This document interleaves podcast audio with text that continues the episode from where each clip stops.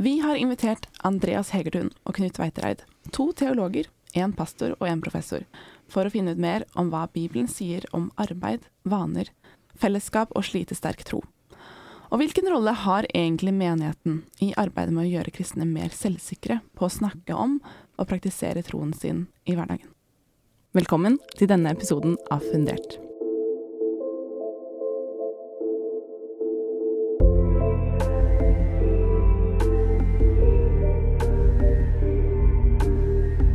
Andreas Hegertun er forstander i Filadelfia-kirken i Oslo, Norges største frikirke.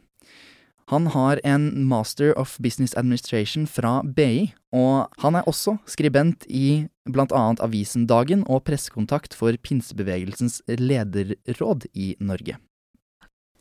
Knut Tveitereid er mest kjent for å ha skrevet boken En helt overkommelig bibel, som har solgt rundt 100 000 eksemplarer.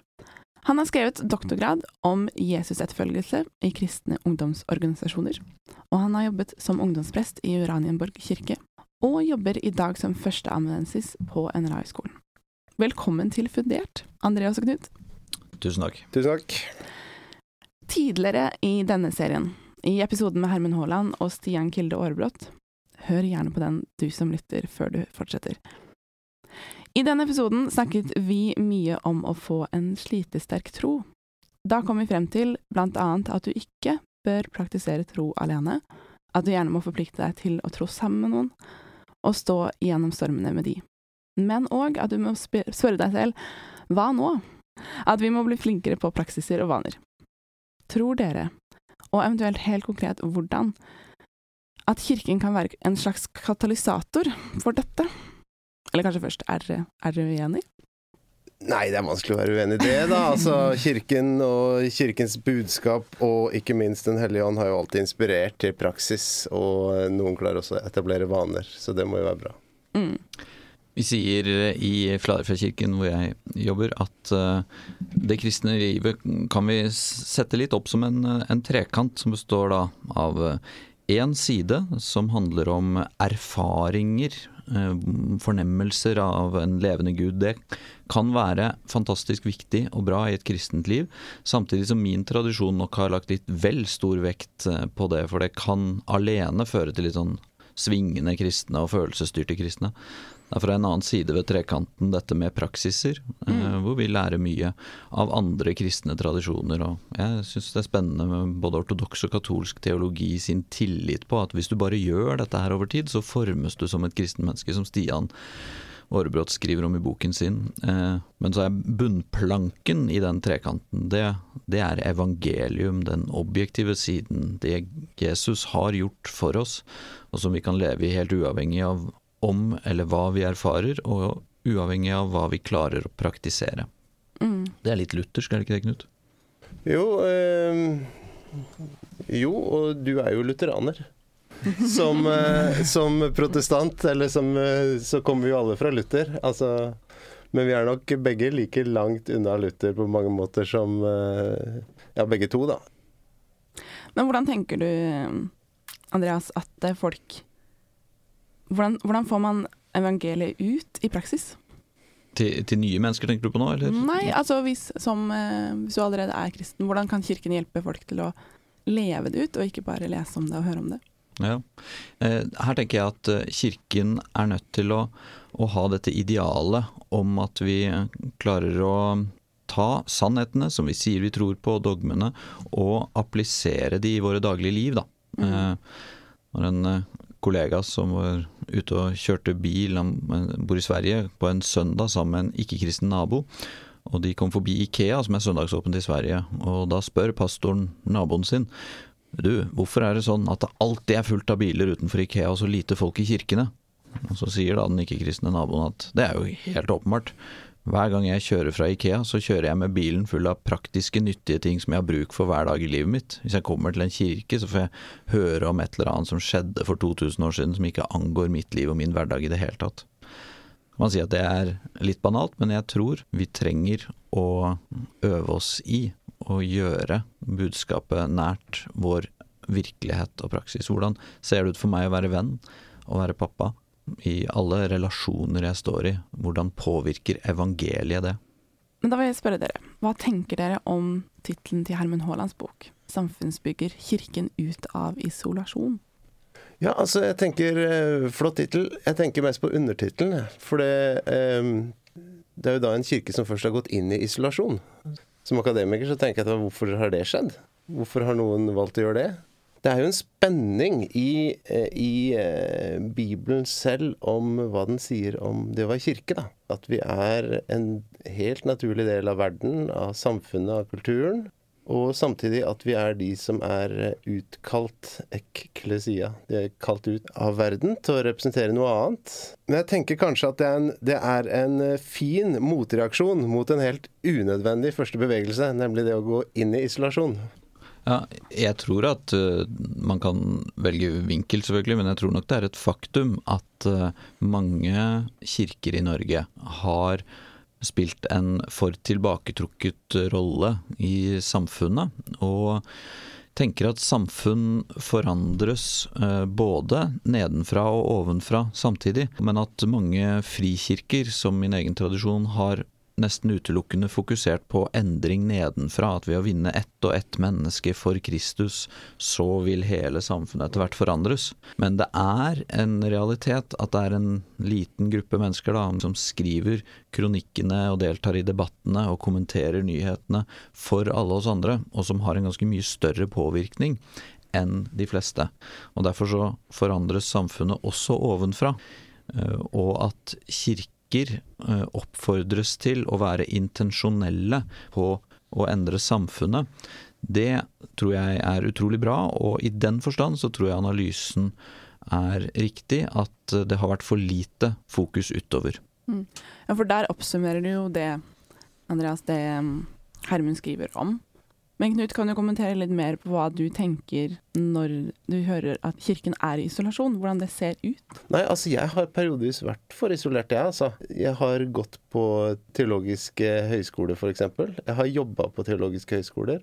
Og kombinert eh, det med å være i en kristen familie, kombinert med eh, kristne venner, kombinert med et kirkelig engasjement på fritida, kanskje en tjeneste utover det, så blir til slutt 23,9 av eh, døgnets timer fokusert rundt det å være kristen som noe som er på utsiden av samfunnet. Da. Eh, sånn har jeg det ikke nå. Ikke i det hele tatt. Jeg bor et sted hvor eh, jeg representerer en helt opplagt minoritet. Og jeg representerer et tabu, eh, tabulagt samtaletema på, på, fest. Altså, altså, barna mine går på en skole hvor, hvor ting er helt sant, marginalisert. Sånn, og sånn har de fleste det også, ikke sant. Så jeg tror at denne isolasjonen er nok i stor grad et problem for noen, da. For innmari, innmari mange kristne i Norge så lever de et liv i full eksponering, og ikke isolasjon. da.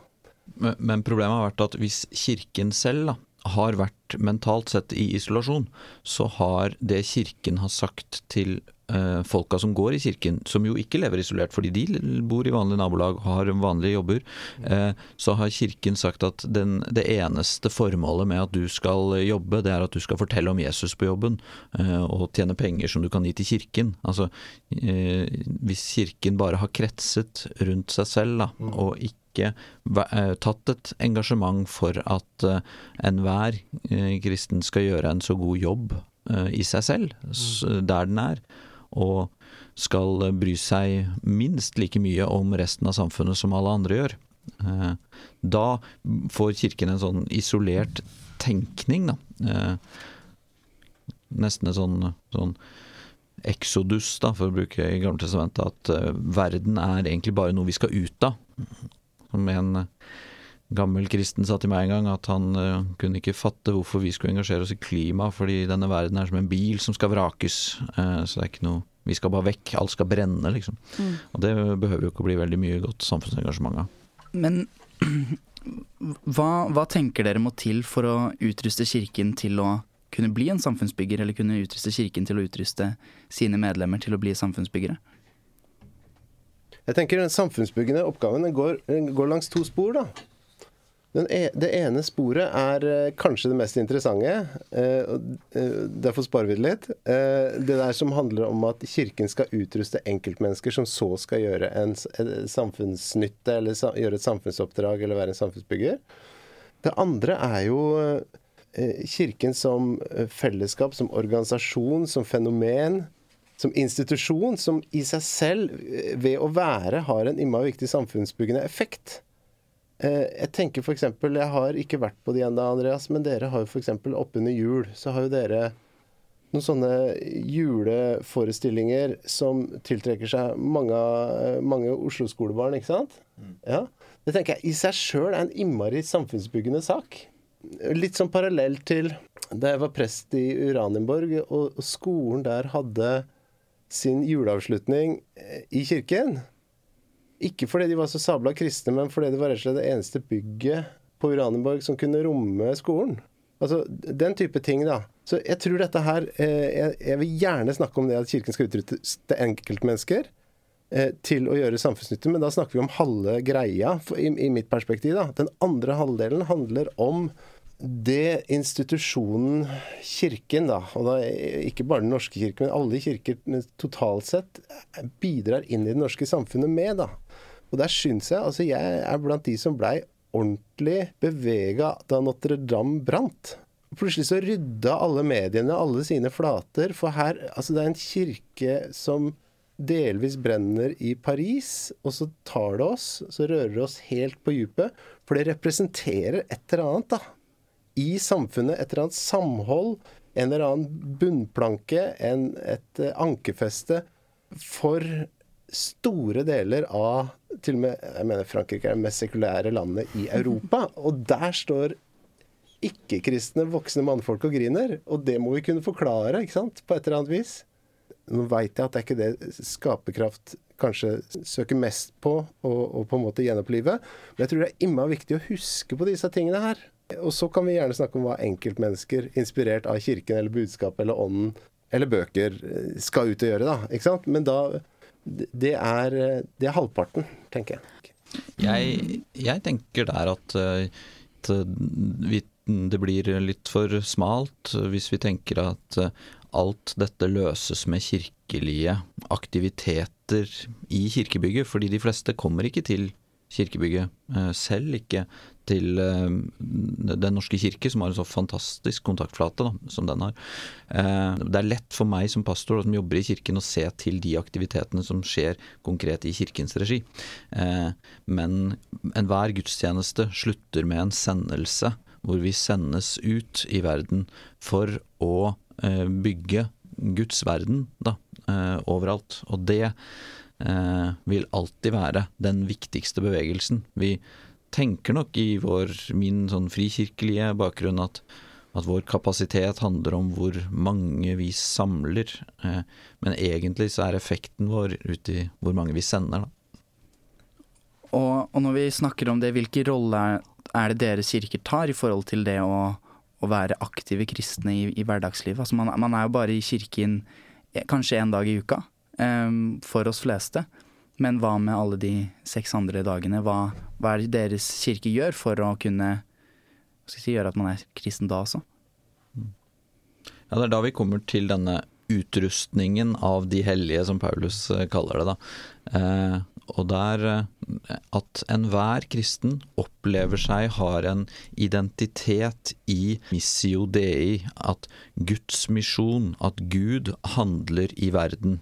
Det er ikke sånn at når vi går ut, så må vi spørre Gud, vær så snill å være med oss. Gud er virksom i verden, og at alle har en identitet, en fortelling hvor når vi lever livet vårt i samfunnet, så kobler vi oss på det Gud vil og Gud allerede gjør i verden.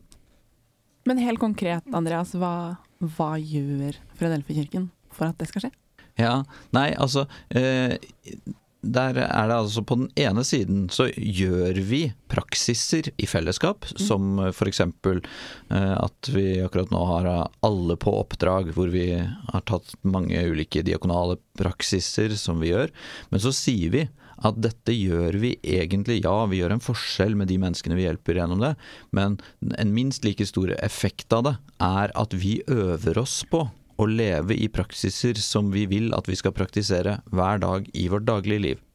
Så kirken fungerer da litt sånn som en katalysator som bevisstgjør i det vi sier, eh, og dermed Jeg tror at vi formes av at vi forstår vår rolle, men så formes vi også kanskje minst like mye da, av våre praksiser, og derfor så trenger Kirken å fasilitere og, og tilrettelegge så folk får øve på gode praksiser som så kan sette seg som vaner i hvordan vi lever livene våre. Du spurte om uh, hvordan menighetene våre Jeg jobber ikke nå i en kirke, men jeg jobber altså med høyere utdanning. Og framtidige pastorer, prester, kateketer, trosopplærere, ungdomsarbeidere er det jeg underviser. Og jeg opplever at uh, disse perspektivene her er med å forandre også på en måte hva vil det si å utdanne seg til kristen tjeneste. For så lenge det var opplest og vedtatt at Norge var et kristent land, at brorparten var kristne, så trengte man ikke på en måte å bry seg så mye om Da satt man også agenda, da, som kristne, som kirke. Men det å ha en tjeneste i den vestlige verden i dag handler om å ta inn over seg hvor vanvittig annerledes det er å være kristen leder, eller kristen for den saks skyld, i et helt endra samfunn. da.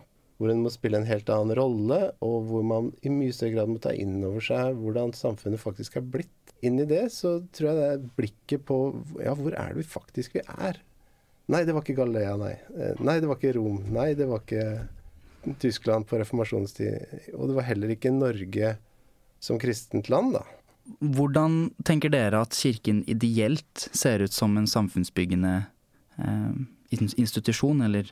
Ja, det, kan jeg si noe der? For jeg tror altså noe av det eh, Hvis man leser kirkehistorien, eller ikke trenger ikke å lese kirkehistorien, kan lese historien, så vil vi si at det popper opp sånne gründere F.eks. en Hans Nilsen Hauge, eller f.eks. en Frans av Assisi, eller tusen av de der der. Veldig ofte så har de vært drevet av en sånn direkte møte med Gud selv.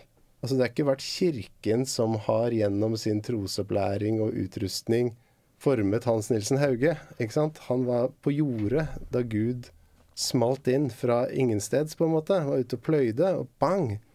Og Det er noe av det jeg tror på. At noe av det som Skaperkraft søker Det forutsetter en type gründere som trenger en sånn slags sånn ekstraordinær eh, inspirasjon, retning, et ekstraordinært kall, da. Ja.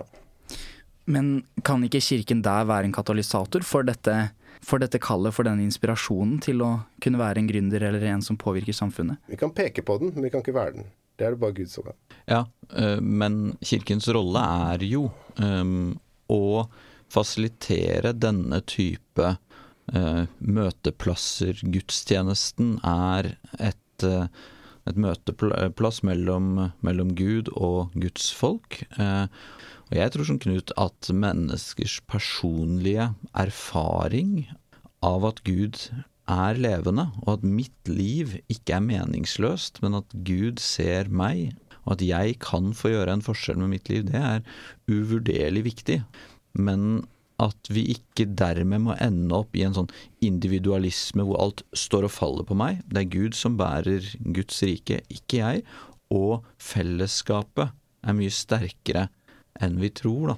For noen år siden så endret vi dåpsliturgien i Filadelfia-kirken. Vi døper jo troende dåp ut fra et baptistisk dåpshund, men tidligere så sa vi sånn på din egen tro og bekjennelse døper vi deg.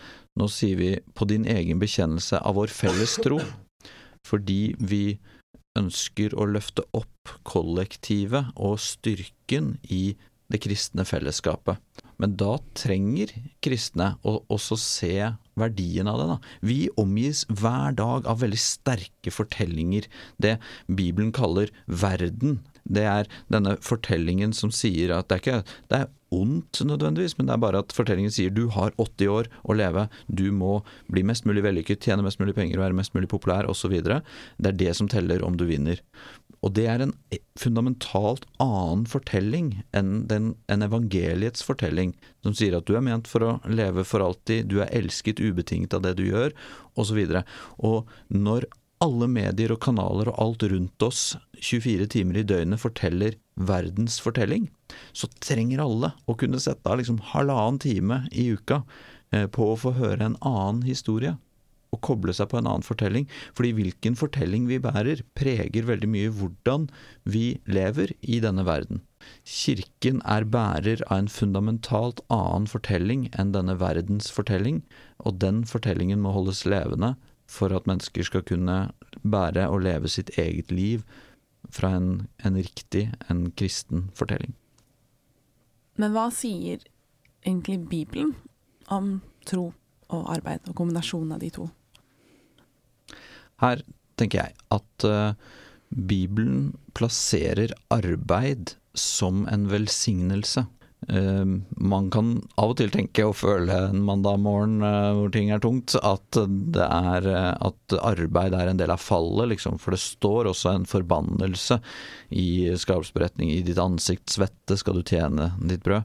Men Gud arbeider i skapelsen. Sånn at jeg tror kristen tro sier at arbeid grunnleggende er en velsignelse.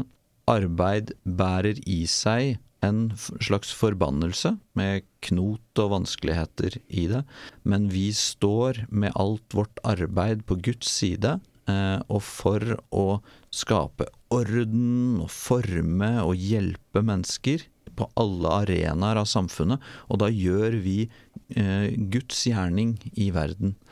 Eh, sånn at jeg tenker at Bibelen har et høyt syn på arbeid. Ikke så høyt som mange moderne mennesker kan gjøre, hvor det blir hele min identitet. Da blir det avgudsdyrkelse. Men den har definitivt heller ikke et sånn lavt syn at arbeid er bare et nødvendig onde. Men arbeid er en velsignelse. Og arbeid er et kall, tenker jeg. Altså, Jeg får av og til spørsmål eh, når jeg sier jeg har jobba som prest og eh, forkynner og sånn, så ja, har du et kall? Og, og, da har jeg begynt å svare at ja, men det har du òg. Altså, det Ethvert menneske har et kall. og det er jo opprinnelig en kristen saying, dette her uttrykket 'skomaker, bli ved din lest'. Som da handler om at nei, du skomaker som blir kristen, du skal ikke slutte å være skomaker og bli forkynner eller misjonær eller noe sånt. Det, det kan du hende du skal bli en dag, men, men det er ikke mer åndelig eller mer kristelig å gå inn i den type arbeid enn å være skomaker, da, f.eks. Og der tror jeg vi Det er kanskje ett av de områdene hvor vi virkelig kan bidra med mye som kirke. da, Begynne å snakke annerledes om, om kallet, da. Paulus sier jo at uh, alt, alt, du gjør, skal du gjøre helhjertet, for du, du, jobber egentlig ikke for Hydro eller Oslo kommune eller hvem du måtte jobbe for, men du jobber for Herren selv. Uh, og, og, og, det ligger i denne kristne kallstanken om arbeid. da at uh, vi er kalt til å leve et liv, til å gå inn i gode gjerninger som Gud på forhånd legger foran oss, skriver også Paulus. Og det er kirken og vår oppgave som kristne ledere å, å løfte dette perspektivet. Hvordan kan kirken, eller skal kirken være med på å hjelpe folk å finne sitt kall? Og har alle mennesker et kall? Jeg tenker at alle mennesker har et eh, generelt kall om å tjene Gud, og det skal vi ikke se lite på, det er et stort kall som vi alle har. Så tror jeg at Gud noen ganger kan spesielt kalle noen til noe, en helt spesiell oppgave. Det er det mange fortellinger om som jeg tror på. Men hvis man bare har den siste uh, formen for kall, så kan det føre til at veldig mange andre mennesker dermed sier at nei, da har ikke jeg noe kall, og da er det ikke noe viktig hva jeg gjør med livet mitt. Og det uh, blir veldig snevert, da. Så jeg tenker at alle kristne har et kall til å gjøre de gode gjerningene som Gud på forhånd legger foran oss. Du nevnte i stad denne trekanten som dere driver med i Philadelphia. Med erfaring eh, som kanskje den overspilte delen, ikke sant. Jeg tenker at for meg er det der jeg driver og utforsker mest om dagen. Kanskje fordi det er den siden av saken jeg må aktivt jobbe med for å gå inn i. da. Altså den erfaringsdimensjonen av troen vår. Men det er et eller annet med de tingene vi snakker om her nå, som i selve spørsmålsstillingen, eh, når vi, eller når vi snakker om det, så snakker vi hele tida litt sånn derre Kirken burde, Kirken må, Kirken kan. Hvilken oppgave har Kirken? Hvilke konkrete ting skal Kirken gjøre for å Ikke sant? Som og så står vi litt maktesløse, for det, det, er bare Gud som kan eh, skape verden. Og det er bare Gud som kan kalle mennesker på en slik måte at de, at de blir samfunnsbyggere i ordets rette forstand. Da. Og en, en, del av dette her handler også om å venne seg til Gud og eh, be Han eh, utløse sine krefter. ikke sant? Reise seg og komme over åsen i soloppgang med staven hevet over hodet og sette i gang. ikke sant? Personlig syns jeg Gud er fryktelig passiv i dette oppdraget her. Eller for sagt på en annen måte, jeg skulle så ønske at han eh, sto med fram, da. Slik han jeg veit han en gang skal gjøre, og slik han en gang i tiden gjorde. Men jeg skulle så ønske at han i mye tydeligere grad ikke bare skapte krusninger på overflaten, men litt sånn ordentlige greier, da. Men hvis jeg kan få bare nyansere det litt, fordi i min tradisjon så har det dermed ofte ført til en sånn tanke om at ja, det alminnelige vi står i nå, det er ikke så veldig spennende, det er ikke så veldig eh, men, men, hvis Gud ville sende vekkelse eh, en dag, da blir alt annerledes. Eh, og hvis vi bare ber mer, hvis vi bare helliger oss mer, da kan det skje. Og så vet jeg at det ikke er det du tenker der, Knut, men eh, for meg har det vært stor hjelp å se det store i det Gud gjør, og at Guds prosjekt er jo at han har satt kirken, oss kristne, som hans hender og føtter i verden. Jeg tror på en aktiv, levende Gud som handler, som griper inn. Det gjør jeg virkelig. Men det ligger en grøft på andre siden, hvor man ser for mye ned på vårt daglige arbeid og ventet på at Gud skal gripe inn. Og hvis Gud ikke har gjort det, så har liksom ingenting skjedd.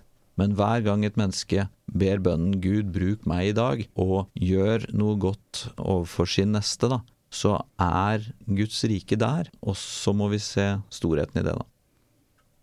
I vår research så fant vi to interessante sitat angående kirke og menighet. Du Andreas eh, sier i et dybdeintervju med Korsets seier i mars 2016 at du aldri vil slå deg til ro med å skulle bygge en kirke for en spesiell, smal gruppe i samfunnet. Mens du, Knut, oppfordrer til å la spesielt unge etablere nye kirker og menigheter i et intervju med Kirke 18 til 30 i, fra januar 2017.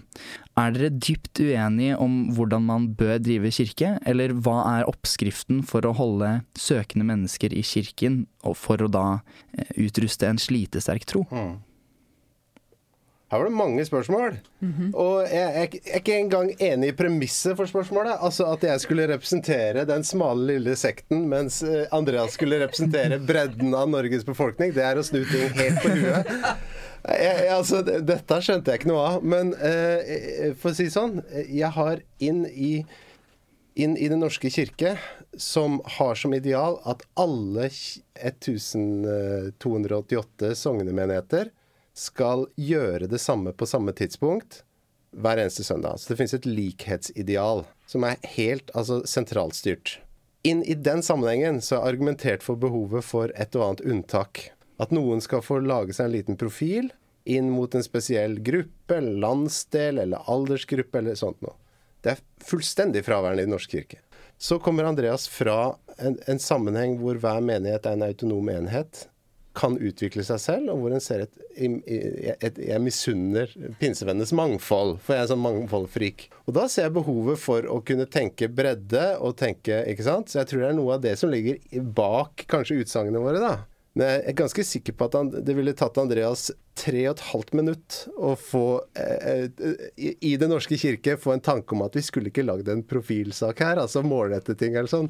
For det ligger jo helt i ryggmargen av en pinsevenn. Ja. Eh, ja, jeg følger, jeg følger, Knut i det han sier der. Det jeg likevel er opptatt av, det er at hvis jeg skal være litt utfordrende eh, til eh, deg som lytter og til oss her, så er det nå engang sånn at de aller, aller fleste kirker i Norge, både i Den norske kirke og frikirker, ikke er kirker hvor mennesker lever hele sitt liv som en aktiv deltaker. De fleste kirker har enten i all hovedsak eldre mennesker, eller i all hovedsak unge mennesker. Og så startes det nye initiativer som kan være fantastisk eh, bra, med et uh, arbeid som samler masse ungdom på en, et nytt konsept, eh, hvor man har andakt og idrett sammen, eller konserter eller et eller annet sånt. Eh, men hvis det ikke er koblet tett, reelt sett, på en kirke og på et fellesskap hvor folk vokser videre inn i neste livsfase, så eh, kan det bli sånn frittstående ja, det var fint for én fase av livet. Og det er for meg en veldig sånn utilfredsstillende at kirken slipper eh, folk i ulike faser. Derfor har vi i Fleifjordkirken definert at uh, syv faser av livet går veldig mange mennesker gjennom. Det er ikke noe revolusjonerende i de. Det er barn, ungdom, unge voksne. Familier med hjemmeboende barn. Det kan være en 16 år gammel alenemor eller 50 år gamle ektefolk, det. 35 pluss og 50 pluss og pensjonist. Og da sier vi for hver av de syv livsfasene skal vi ha et bra arbeid, men også for overgangen imellom de. Og derfor så gjør vi som kirke sånn at vi, vi sier at 75 av det vi gjør for hver av de syv livsfasene, skal ha samme form og innhold, mens 25% kan ta livsfasespesifikke eller forsamlingsspesifikke behov. Jeg tror overgangene i kirke er noe av det mest sårbare. Så jeg øh, syns at øh, folkekirke er et kult begrep. Jeg har lyst til at Freifjordkirken skal være en folkekirke for Oslo, men vi kommer jo fra et hjørne, det skjønner jeg. Og veldig mange mennesker i Norge har fordommer, viser også undersøkelser, til Eh, pinsekirker. Sånn at eh, der syns jeg at Den norske kirke har et helt fantastisk potensial, en helt fantastisk kontaktflate. Eh, og så håper jeg at man vil klare å utnytte den kontaktflaten til at folk opplever kirke som relevant og spennende.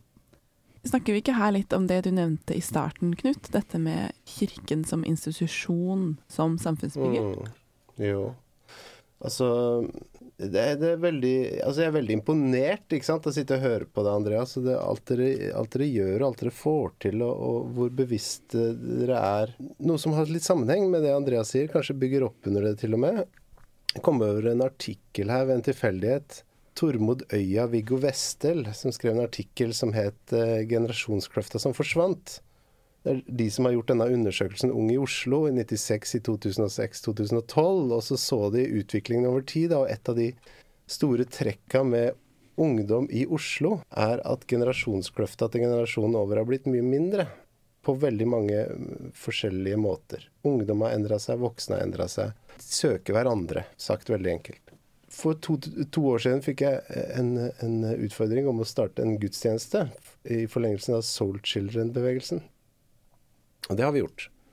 Og da hadde jeg akkurat lest den artikkelen, så tenkte jeg nå skal jeg litt sånn, eh, være litt trosbasert akademiker. Skal jeg se om det er noe i dette her, da. Så vi, vi har da lagd en gudstjeneste hvor vi sier at uh, dette er en gudstjeneste hvor ungdom er ungdom, voksne er voksne, og Gud er Gud. Og erfarer at ungdom vil gjerne gå på gudstjeneste med foreldrene sine. Og voksne vil gjerne gå på gudstjeneste med uh, unga sine.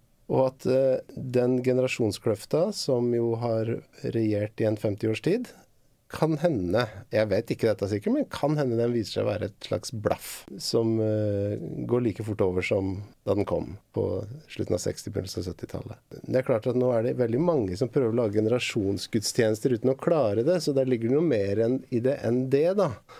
Men vi prøver å gjøre alle ting sammen. Alt vi gjør, prøver å gjøre sånn på tvers av generasjoner. Der opplever jeg sjøl å være på sporet av noe annet, da.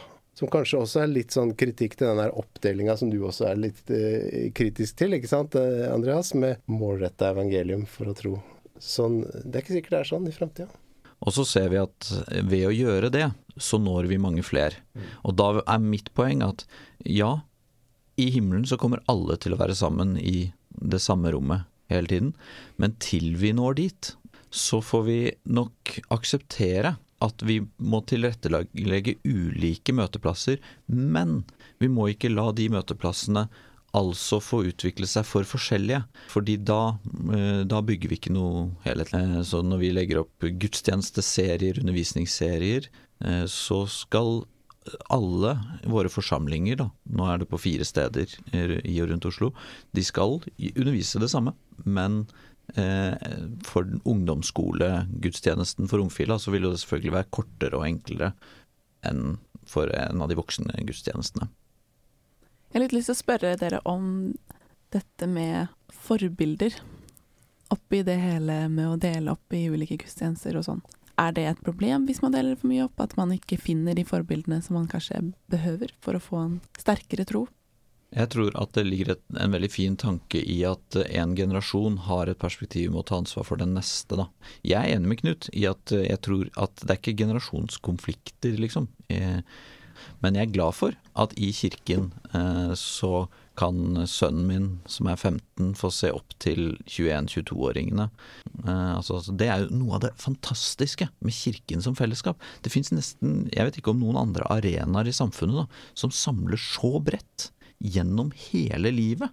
Og veldig mange mennesker kan forholde seg sånn Nå jobber jeg der, så det er det omgangskretsen min. Nå går jeg på den skolen, det er det omgangskretsen min. Så kan man bytte gjennom livet helt. Kirken er et av de eneste stedene hvor her er vi for livet. Og det betyr at det, det fins ingen andre steder. Det er så lange relasjoner, så lange bånd, så mange generasjoner sammen. Det elsker jeg med kirke.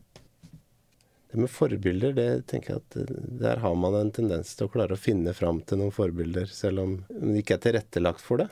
Altså, dette er et sånn kaotisk bilde. Da. Det er ikke én mentor og én elev. Det er én person som har 30 mentorer som en ikke veit om.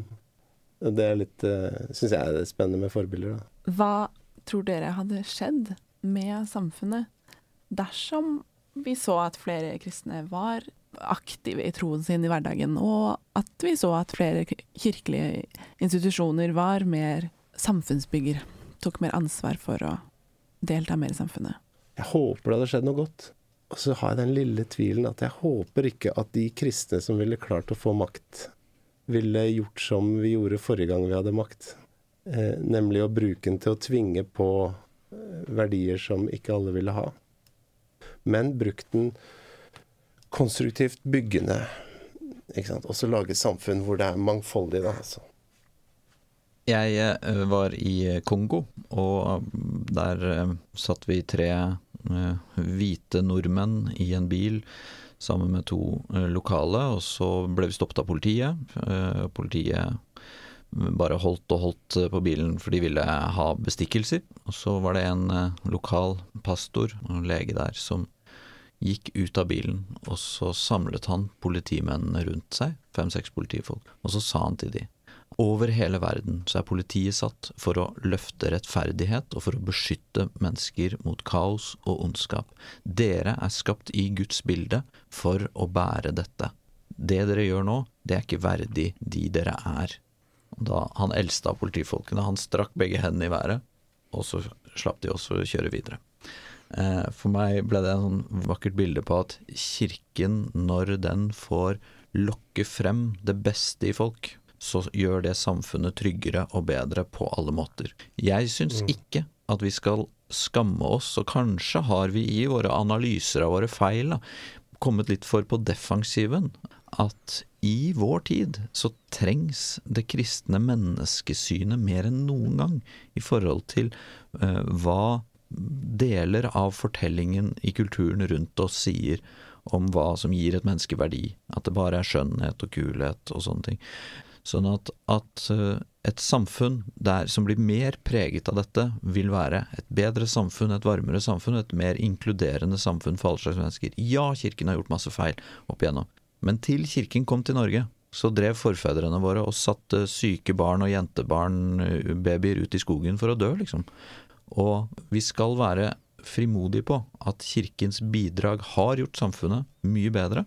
At samfunn preget av kristne verdier over hele verden jevnt over har mange ting eh, som er gode i seg.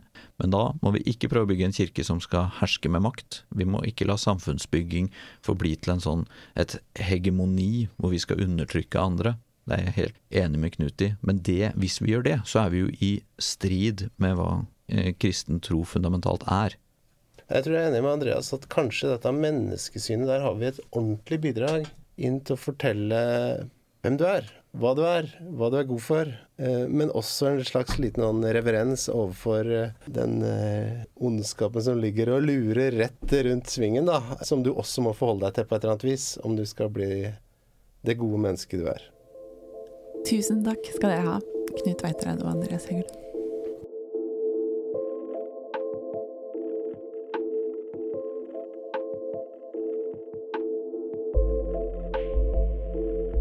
Tusen takk for at du har hørt på denne episoden av Fundert. Det er viktig å si her at ytringene til Andreas og Knut er deres egne. Det er deres egne perspektiver de stiller med i denne podkasten. Mitt navn er Guro Handland. Og jeg er Petter Johan Sandmann. og sammen med Steffen Silseth har vi laget denne episoden. Vi håper at du følger oss i den appen du hører på denne episoden, og at du også følger Skaperkraft på sosiale medier. Har du lyst til å vite mer om dette emnet, kan du få kjøpt boken 'Samfunnsbygger kirken ut av isolasjon' der du kjøper bøker. Eller så kan vi anbefale alle bøker fra Frekk forlag. Håper vi lyttes.